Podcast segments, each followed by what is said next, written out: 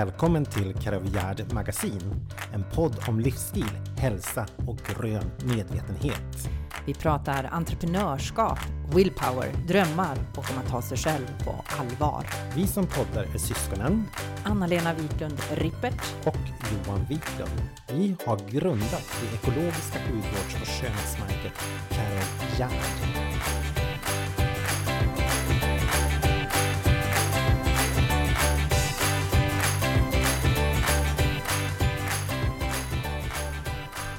Varmt välkomna ska ni vara till poddavsnitt nummer tre. Idag så har vi ett helt nytt år, 2018 Anna-Lena. Woho! För mig är ett nytt år det oskrivna bladet. Tänk, här ligger det framför oss. Mm. Och det är vi som kan faktiskt fylla det. Jag har personligen då införskaffat mig naturligtvis en ny dagbok för två, år 2018. Eh, där jag då dels antecknar eh, varenda kväll faktiskt tre bra saker som har hänt under dagen. Det är ett jättebra tips. Och sen så brukar jag också för min egen personliga skull, för att det är så himla kul, så brukar jag också skriva upp om jag har gjort fysiska aktiviteter och så vidare. Mm. Jag gjorde ju mm. någonting för första gången för, ja, det var ganska länge sedan, många år sedan. Sen så har jag gjort det varje, varje år och det har, ibland har jag gjort det superseriöst, skrivit ner på ett papper och gjort ett mentalt årsbokslut. Och sen så har jag gjort en, ja, en affirmationskarta inför nästkommande år som mm. kommer. Det mm. skrev jag faktiskt en liten krönika om på Karavjärd magasin inne på karavjärd.se också. Mm. Men det jag vill dela med mig utav så var en stor aha-upplevelse. Just specifikt att det är alltid bra att göra bokslut, att man har en reflektion över året, det som har gått och det som har varit bra och det som har varit mindre bra. Men även de här målsättningarna inför vad som komma skall. Mm. Och ganska ofta så när jag gjorde årsbokslutet och läste då de för, föregående årens eh, ja, förhoppningar. Mm. Så såg jag att det som jag trodde var oöverstigligt i slutet på december när jag skrev det här, hade mm. jag sen bara passerat i mars, mm. april utan att ens ha tänkt på att jag hade satt upp det som ett mål. Mm. Coolt. det är ju faktiskt någonting som är ganska coolt. Hur vi ja, växer hela tiden som människor. Man gör saker som man inte tror, tror att man kan göra. Ja, men just affirmationer, vare sig man tror på det eller inte, för mig är det också jätteviktigt att jobba med affirmationer. Att manifestera i mitt huvud och i mitt universum. Mm. Eh, vad jag vill och vad jag vill åstadkomma. Affirmationen blir en målbild och eh, en stark sådan. Eh, och det här med att göra en sån här affirmationskarta, det är ju jättehäftigt. Och det här kan man ju faktiskt, om man är lite klipp och klister intresserad, eh, så kan man ju faktiskt leka och ha jättekul. Eh, att ta ett gigantiskt papper, mm. vackra magasin, klippa ut saker som man känner att det där skulle jag vilja ha. Eller det där har jag. För man måste ju tänka faktiskt att det redan är manifesterat i ens liv när man jobbar med affirmationer. Det är en viss teknik. Uh, och så gör man en liten årskarta med mål, affirmationer mm. som man vill uppnå. Och samtidigt att man inte begränsar sig. För det kan ju också vara att har man inte jobbat med affirmationer förut, har man inte jobbat med positivt tänkande så att man har lite det mindsetet så kan mm. man ju vara lite begränsande. Och hela grejen här är ju att du behöver inte vara begränsad. Utan Nej. du får ta hur voluminösa tankar som helst. Att det här är jag värd. Man sätter sig själv på den absoluta front road och du är bara värd det absolut bästa. Pick and choose. Och det Exakt. sätter du på, på din karta. Ja, och jag, jag, älskar ju det här begreppet. Med affirmationer så kan vi leka att vi har en orderkatalog. Förstår mm. du?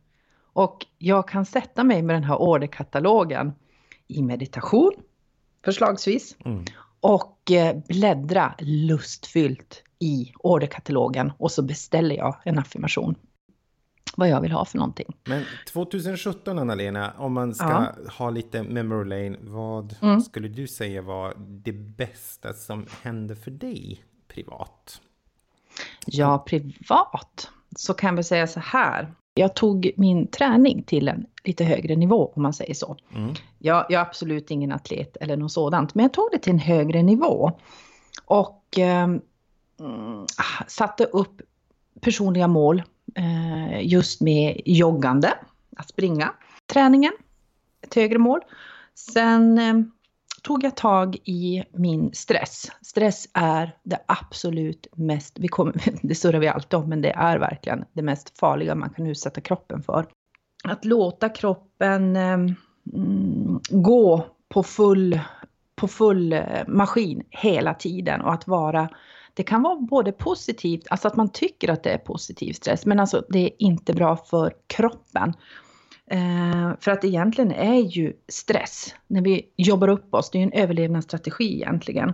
Och att låta den grytan koka hela tiden utan att eh, dra på värmen, det är faktiskt inget bra för kroppen. Det är riktigt farligt. Eh, för att det är ju det här parasympatiska sys- systemet, den får, det får inget utrymme. Och eh, där, där körde jag i diket faktiskt eh, under våren. Eh, riktigt, riktigt rejält. Och vad som kom positivt ur det var att jag var tvungen att faktiskt börja gå i KBT-terapi för att hitta strategier hur jag ska hantera stress. Mm. Och det var och är jättepositivt för mig. Ehm, Sen fyllde jag ju 50. Mm. Ehm, Och det trodde jag väl att jag skulle sv- svimma av egentligen. Men nej, jag är en mogen dam. Jag tycker det är underbart. Mm. Forza. Forza, forza. Vad var positivt för dig då Johan? Vad var det bästa under 2017 för dig Johan? För alla som känner mig vet att jag har varit en helt galen kaffe-addicted one. Mhm. Mhm. Mm. Många, många koppar om dagen. Och jag har ju ett litet problem när det kommer till sådana här att känna att man har ett beroende av någonting. Och eh, då helt plötsligt så tog jag en veckas detox, vilket jag brukar göra ganska regelbundet. Att man bara tar och ja, men kör lite gröna juicer och sådana saker. Och jag tänkte inte ens på det för att jag hade verkligen bara affirmerat mig att jag skulle ta in vad kroppen ville ha. Och tydligen så ville min kropp inte ha kaffe. Så när dag tre hade gått i min detox och jag hade, det var full fart med allt annat också. Så inser jag att men gud, jag har inte druckit kaffe. Jag har liksom glömt bort att dricka kaffe. Och för en som har druckit 8, 9, 10 koppar de senaste 20-30 åren så borde jag ju ha legat blöt på golvet i en fläck och skaka och ont i huvudet och allting som man kunde göra. Men jag blev så här bara, oj, jaha, om jag nu hade gått in för det här att det här var, min kropp vill inte ha vissa saker och då ska jag lyssna på det. Och då ville den tydligen inte ha kaffe så då drack jag inte det. So, so far so good, det var inget större mankemang med det. Men sen så kom det ena gigantiska hälsokonsekvenser utav det där som jag inte hade förväntat mig. Och det, jag har aldrig haft några stora sömnproblem på ett eller annat sätt. Men jag har kanske legat vaken 20-30 minuter sedan jag gått och lagt mig och ganska trött har jag varit på morgonen också när jag stiger upp. Helt plötsligt så hann jag inte mer än lägga mig ner och sätta huvudet på kutten så slocknade jag. Jag vaknade ja, vid fem, halv sex klar vaken. Och så fort ögonen öppnade sig så var det bara ding, vaken. Och det sätter jag faktiskt i relation till kaffet. Och då säger man ju att kaffet ska göra en pigg. Och man bara, mm, men jag har aldrig varit så pigg som jag har varit under här sen jag slutade dricka kaffe. Det är jättehäftigt och det märks. Även, Det har, mär- under, det har märks. även under dagarna. Alltså jag får inga dippar där heller. Så att allt det här med att kaffe är så nyttigt och kaffe är så hälsosamt. Ja, det finns det säkert också spår. Men då kan jag känna att ja, men då käkar jag lite blåbär och lingon och fyller upp med andra vitaminer.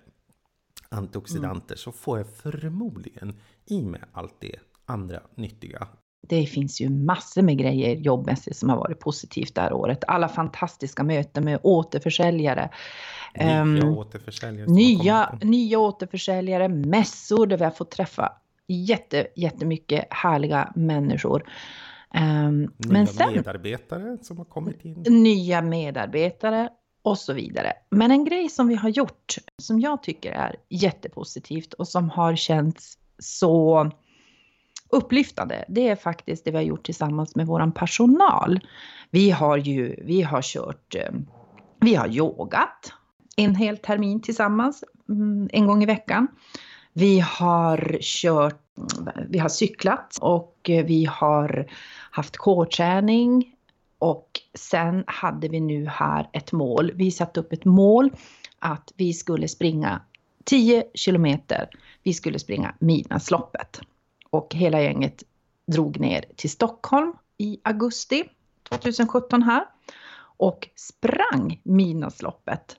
Och förutom att det var, ja för mig personligen så jag tyckte det var ett fantastiskt, jag har aldrig sprungit Midnattsloppet tidigare. Det var helt underbart. Stämningen, allting som hände runt omkring. Alltså man, man var som upplyft på en våg, Mm. upplevde jag när man sprang. Och sen att vi gjorde det här tillsammans. Det blev en sån fantastisk härlig energi. Jag måste också säga att eh, då hade vi testsprungit. Vi har ett, ett eh, välgörenhetslopp som eh, ett par fan, helt fantastiskt engagerade tjejer här i Jokkmokk eh, kör varje år. Och man samlar, ja men det är sådana fina priser, alltså det är otroligt mycket priser och jättefina priser. Och det har de eh, i juni, eh, fem kilometer eh, för Jokkmokksbor och folk runt omkring som vill komma. Och det här välgörenhetsloppet, pengarna går oavkortat till eh, cancerforskningen. Mm. Och det började vi faktiskt med att springa. Vi sprang det först. Och eh, ja, och där kände vi ju allihopa att men vilken kul grej. Och så blev det då midnattsloppet. Så det tyckte jag var kul. Alltså det, det, jag håller ju med dig, det händer jättemycket positiva saker. Naturligtvis att vi ska bygga ut fabriken, det är jättehäftigt. Och att Storsvea är på intågande och kommer in så att vi kan öka vår produktionskapacitet. Sen det här, vi, i slutet, slutet på december så lanserade ju vi vår nya hemsida. Mm. Och den känns som en jättefin milstolpe också för den känns mycket, mycket lättare att hantera. Men där lanserade vi faktiskt någonting som vi kallar Caravillard Änglar. Mm. Och det är en sån här sak som, som känns så otroligt, otroligt bra. För när vi började, jag och Anna-Lena, så hade vi stora målsättningar. Man tänker ju, man vill ju att allting ska kunna hända på en gång, fast det är ju inte faktiskt riktigt så. Utan det var ju så här bara, ja men Caravillard-skolor i Afrika. Det var ja, men allt mellan himmel och jord. Sånt som man då vill ge tillbaka. Eh, nu är det som första grejen som vi gör ett volontärsprojekt som vi kallar Caravillars änglar. Och när vi gick ut med det här i slutet på december så blev det en jättehype på sociala medier det blev jättedelat både på Instagram och Facebook. Och sen har det resulterat i att det är jättemånga som har velat bli Caravillard-änglar. Så redan nästa vecka, då börjar det hända runt om i Sverige. Mullsjö är först ut och en av våra fantastiska återförsäljare, Skogsro Spa, är de som är först ut. Och vad, vad är då en Caravillard-ängel? Det, vi är uppväxt med fantastiska mamma Gerd. Jag tror ju att ni förstår allihop att vi är ganska kär i henne i och med att vi har döpt hela företaget till henne. Och mamma hade en fantastisk mamma. Mommi Mommi. Som heter Frida. Och Mm. våran kära mormor, hon, hon blev handikappad. Mm. Upp i, ja men kanske 50, 50-årsåldern ungefär någonstans Mm. där. Och mamma var en utav dem som verkligen såg om sin mamma. Alltså hon blev rullstolsbunden. Hon satt i rullstol. Rullstolsburen. Ja, mm, precis. Och eh, jag fick som ung vara hisskötare. Så fort mormor var med oss uppe i stugan så hade man en sån här lift som man skulle hjälpa till när mormor skulle från rullstolen till sängen. Ja, men hela, ja. Mm. Och det känns jätte, jätteviktigt. Mm. För det är ju faktiskt så att det är inte lika med att man är rullstolsburen, att man inte kan vad heter det, ha ett rikt liv och göra så. Men det är ju när man är äldre många gånger man kan få begränsningar. Och då tänkte vi så här att vi kan ställa upp med till exempel en, en massageolja och en arnika balm. Och så sen så kan antingen en terapeut eller en privatperson engagera sig och volontära att helt och hållet se ut ett ålderdomshem. Man får dit och så gör man handmassage på de äldre. Tre mm. timmars grej.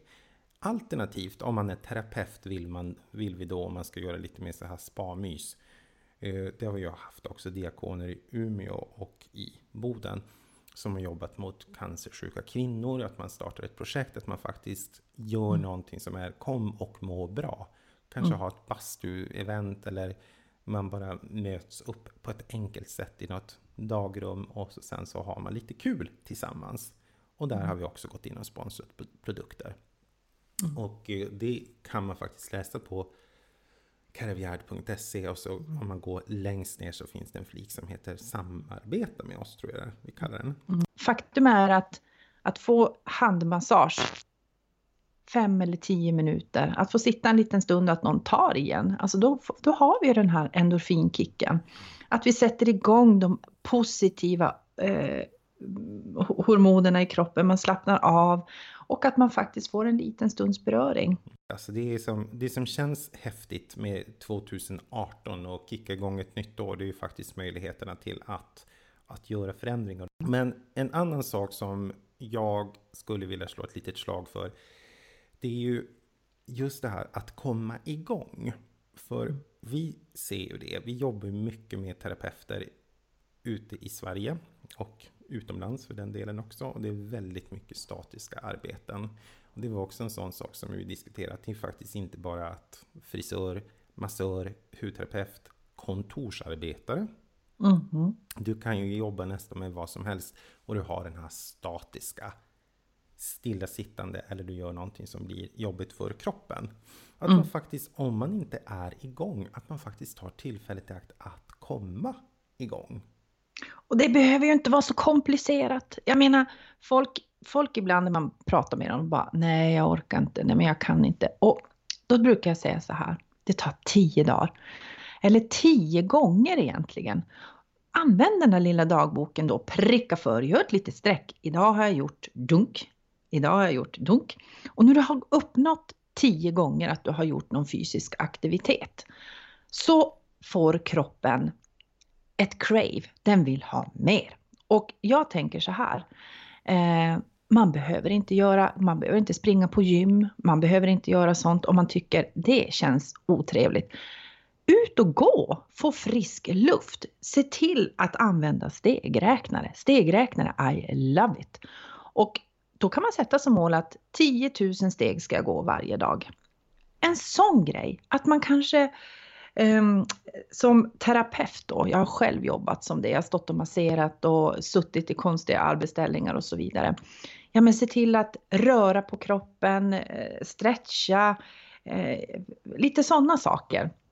Man kan börja där, det är en mycket, mycket bra början. Mm. Det kan jag säga, jag som har jobbat som frisör och jag som sitter nu som kontorsnisse, det är nästan samma elände där. Man måste nästan få lite styrketräning på det. För oh, att, I den bästa av världar. Jo, mm. den, bara någon gång. Det behöver inte vara att man ska kuta ihjäl sig där. Men att man tränar lite, ja men allround träning är ju bra, men alltså mm. lite bröst och rygg och, och armar mm. för att få lite flås på det hela. Ja, det gör jag mycket. Jag tänker mm. Anna-Lena, nu har vi pratat mycket om positivitet och det är häftigt och ja, sådana där saker. Mm. Men vi har inte alltid kanske varit superigång. Eller, du nämnde det tidigare, det här mm. med att man eh, med stress mm. som var en jobbig sak för dig. Jag tänkte också berätta om en liten dikeskörning för mig. Mm. Eh, och eh, ja, att det kan ju faktiskt vara väldigt tufft mellan livet händer. Ja, visst. Och annars skulle det inte vara livet. Nej. Jag menar, vi kan inte gå omkring eh, och tro att, att livet inte händer. Mm. För det händer. Mm. Men hur kom du underfund med, med din stress? Alltså, och när du tog tag i den? Mm. Som sagt var, eh, man måste ju få, för att verkligen förstå, man måste få ett litet bryt. och eh, det fick jag. Jag fick ett litet bryt, en liten panikångestattack. Mm. Sådär eh, tjusigt och fint. Ehm, och eh, när man får en riktig hemsk panikångestattack, det, det är inga roliga grejer. Det är fruktansvärt. Man tror faktiskt man ska dö. Eh, så att man måste söka sig då till ja, men KBT-terapeuter och sådana som verkligen kan och som kan leda en rätt. Hur? Alltså så att man kan eh, plocka upp de här grejerna och ta tag i.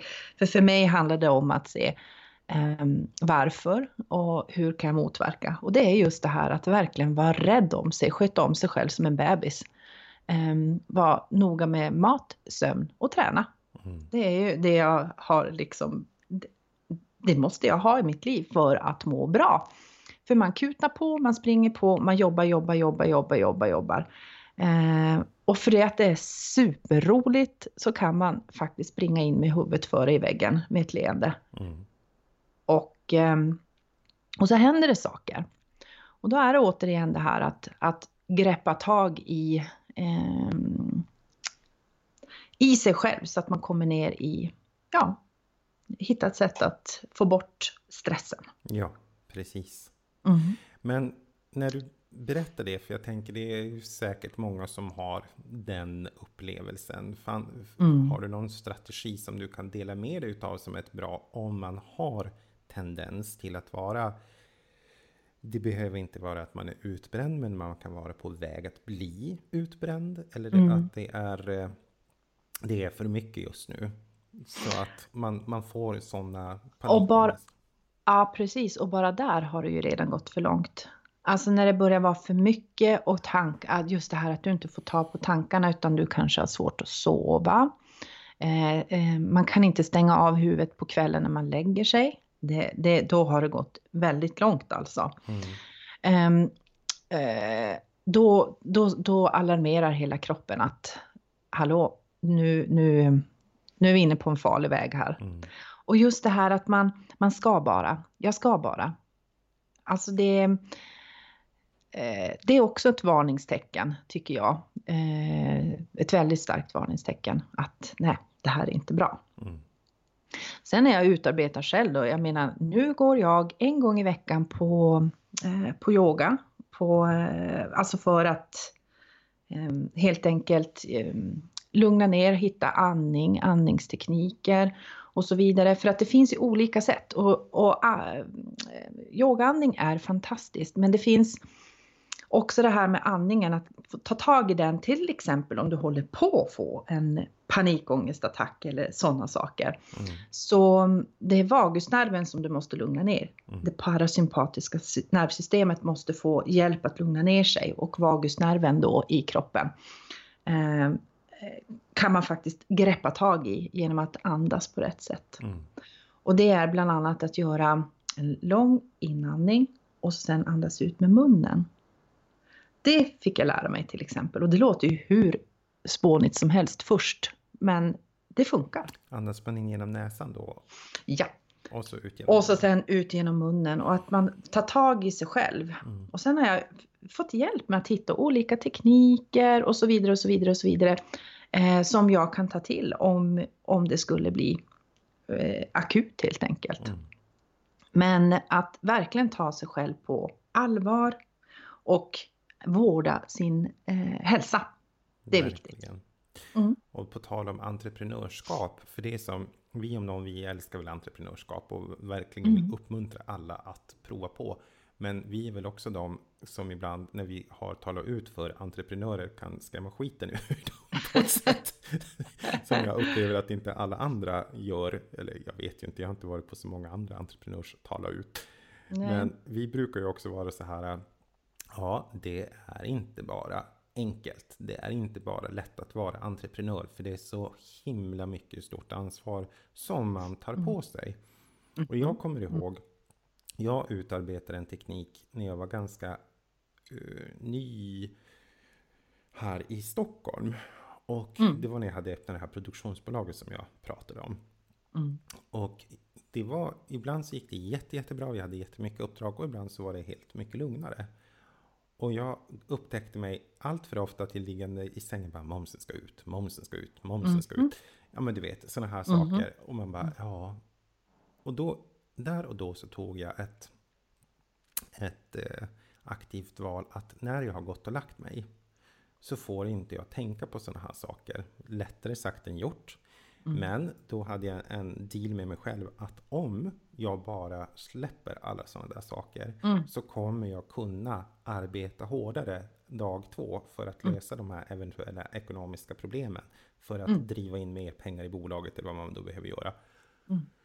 Och eh, det funkade för mig. Men då tog jag väl det i väldigt rätt tid. Sen så är det någonting som jag har försökt vara slavisk med. Att in i sängkammaren där får möjligtvis någon vacker man följa med in, men det får absolut inte följa med mm. in jobbtankar och sådana saker, utan de stannar på tröskeln utanför. Mm.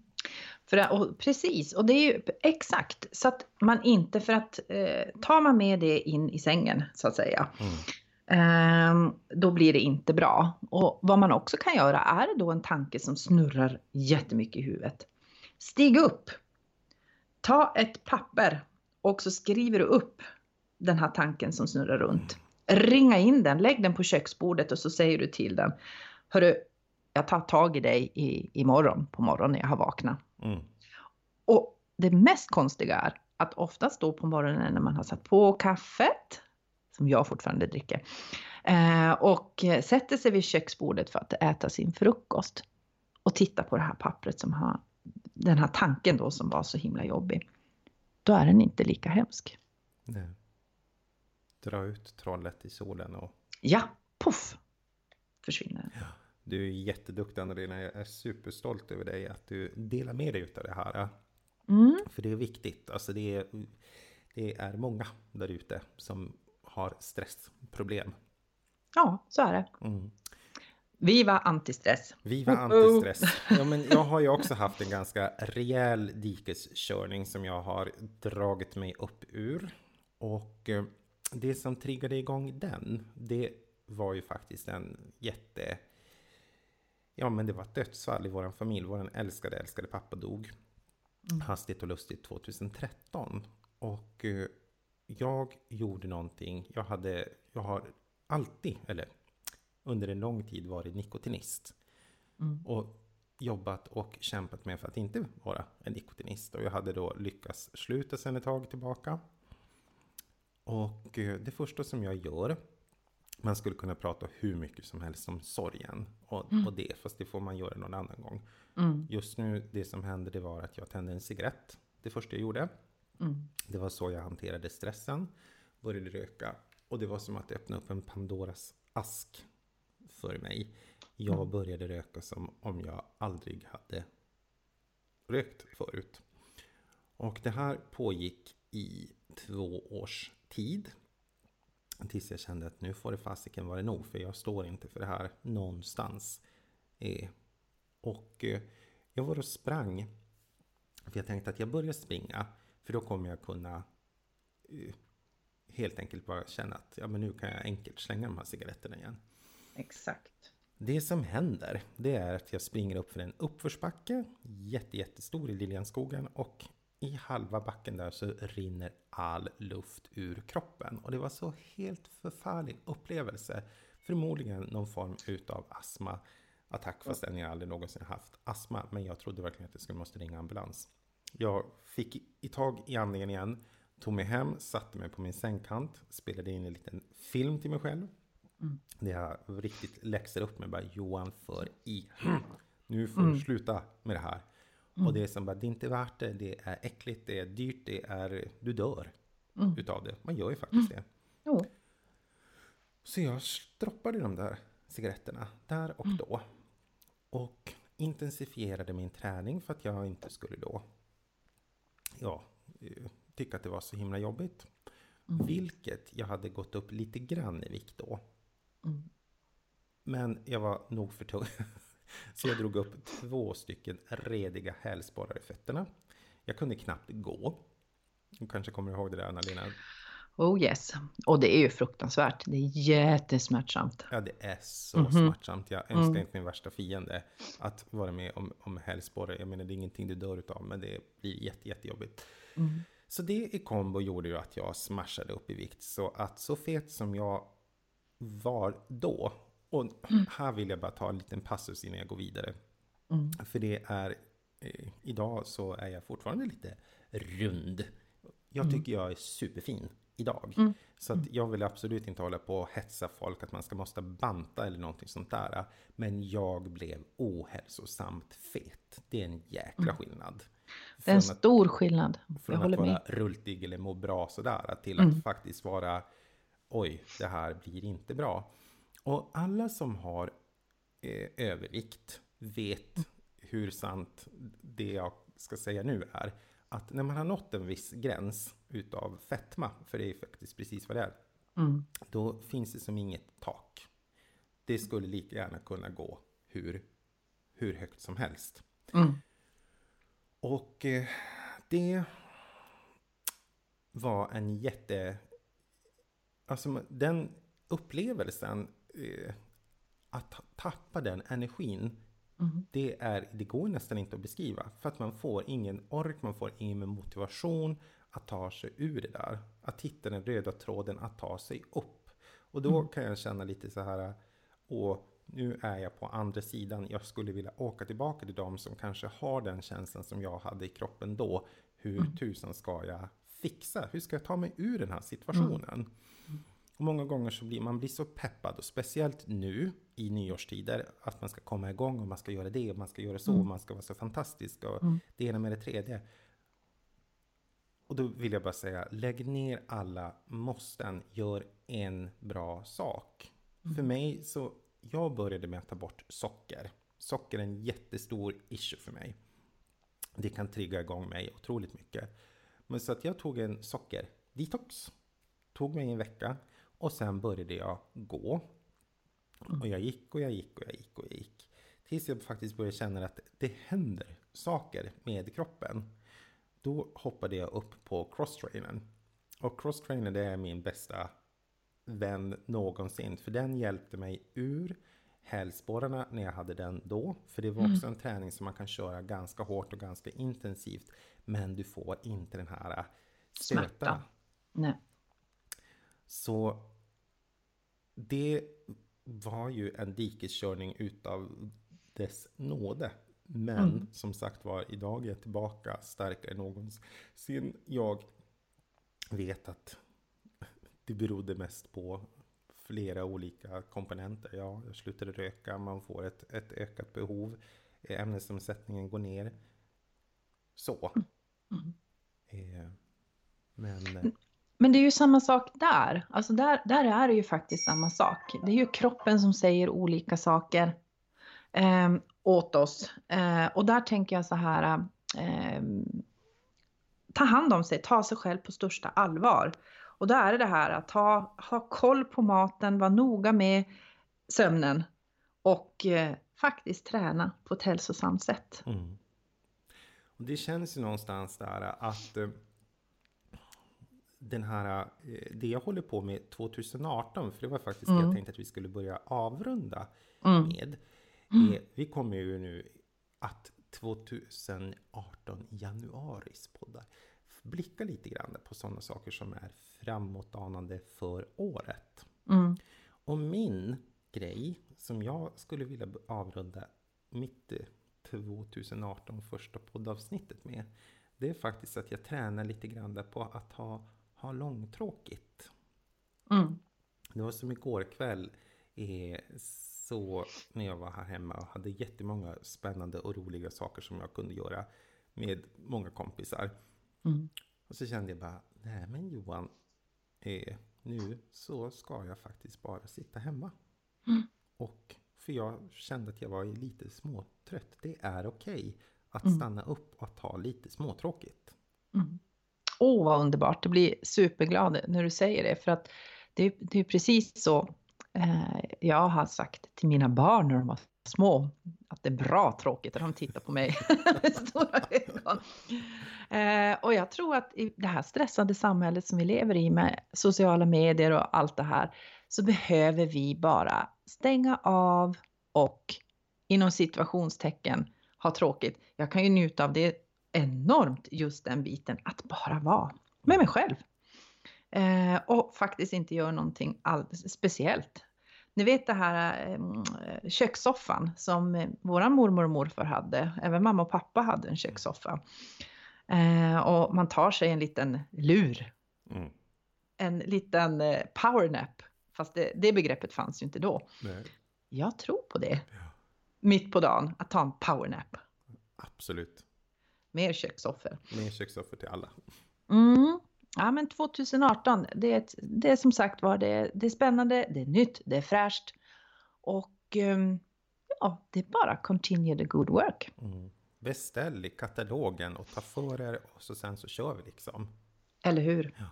Vad spännande. Men tack för idag och så Anna-Lena, vi mm -hmm. kör vidare. Vi kör vidare. På återhörande.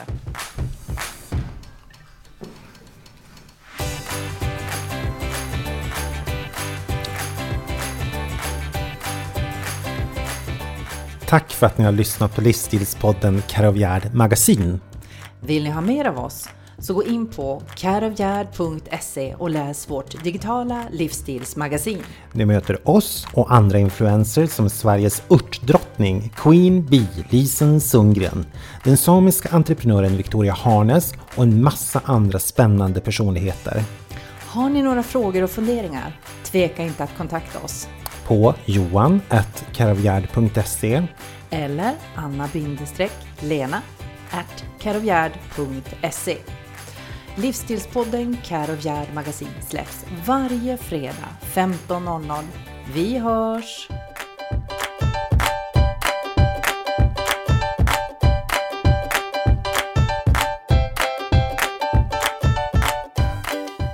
Har fått in lite frågor till Karavjärds livsstilsmagasinpodden.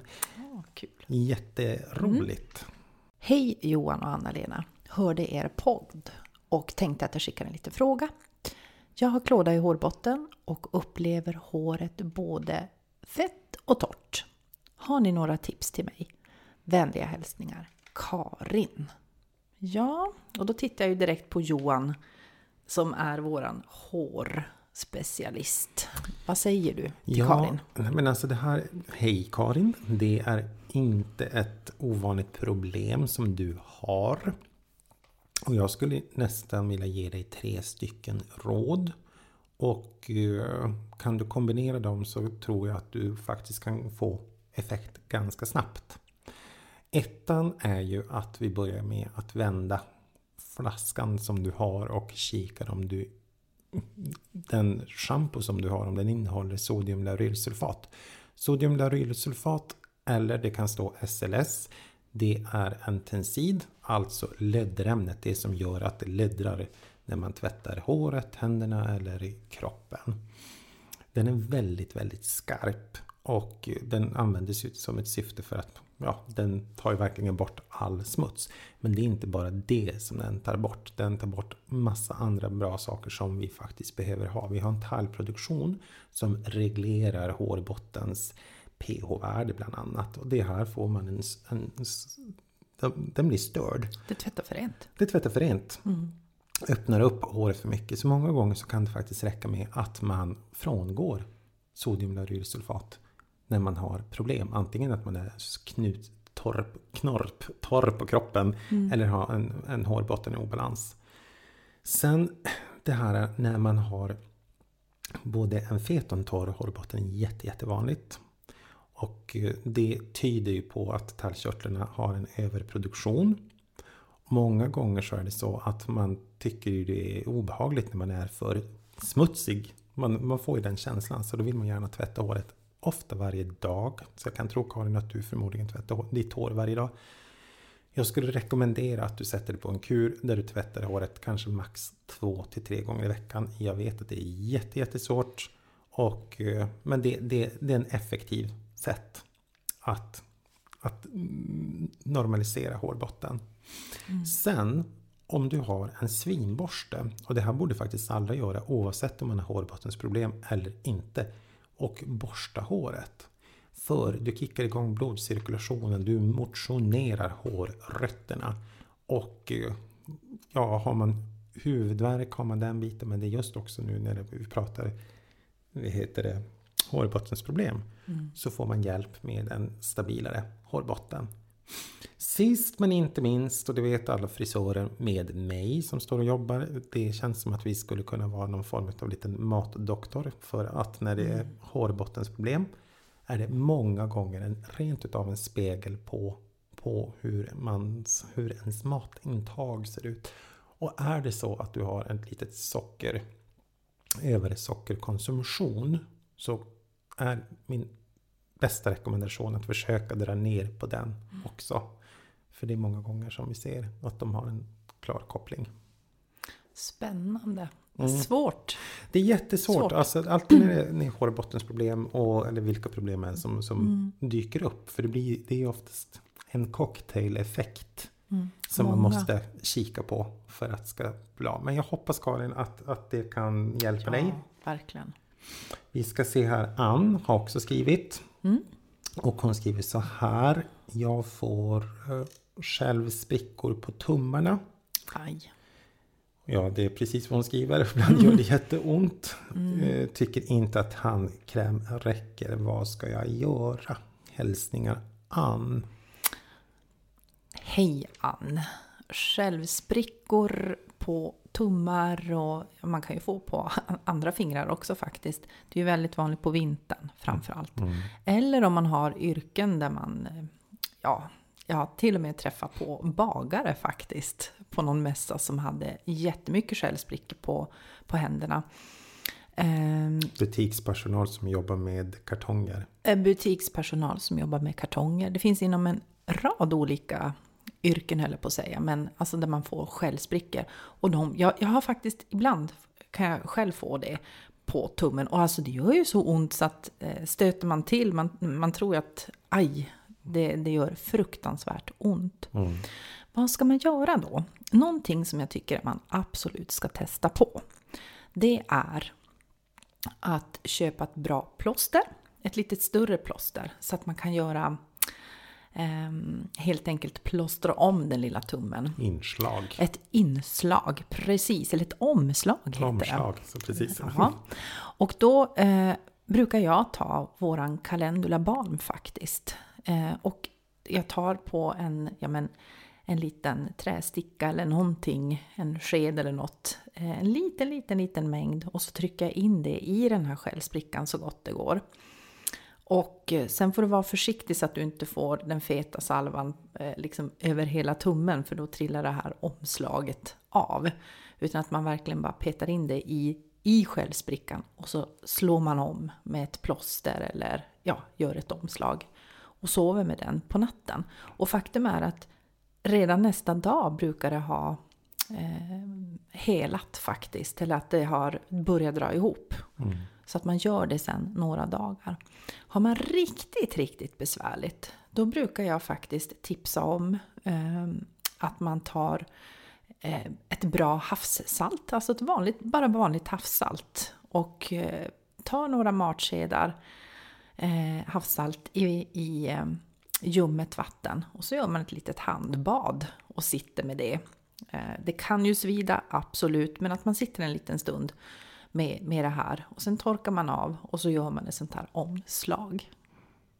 Då känner jag lite så här, går inte det där att applicera på fötterna om man har Definitivt. Och har man då, och det är ju också jättevanligt, med ganska besvärliga skällsprickor på fötterna. Men där kan du då måste gå in och göra på ett litet annat sätt. För är det då så att du har hårda hälar, och ni som har hårda hälar vet precis vad jag pratar om. Alltså man får skarpa skarpa hälar, mm. kanter helt enkelt. Då tar man sig ett litet fotbad först och eh, blöter upp foten och ser till att fila. Och måste man så klipper man till kanterna runt de här eh, hälsbrickorna med en, en bra eh, jag har ju själv då enkomma små eh, nypsaxar helt enkelt som jag använder. Menar du att man kan klippa själv? Skulle jag Ja. kunna klippa själv? Ja, men det kan man faktiskt. Det allra bästa är ju naturligtvis att gå till en auktoriserad eh, fotvårdsspecialist. Absolut. Men är det akut nödläge och man själv måste göra det här så då tar man ett fotbad, man filar foten och så Typ sen nagelsax?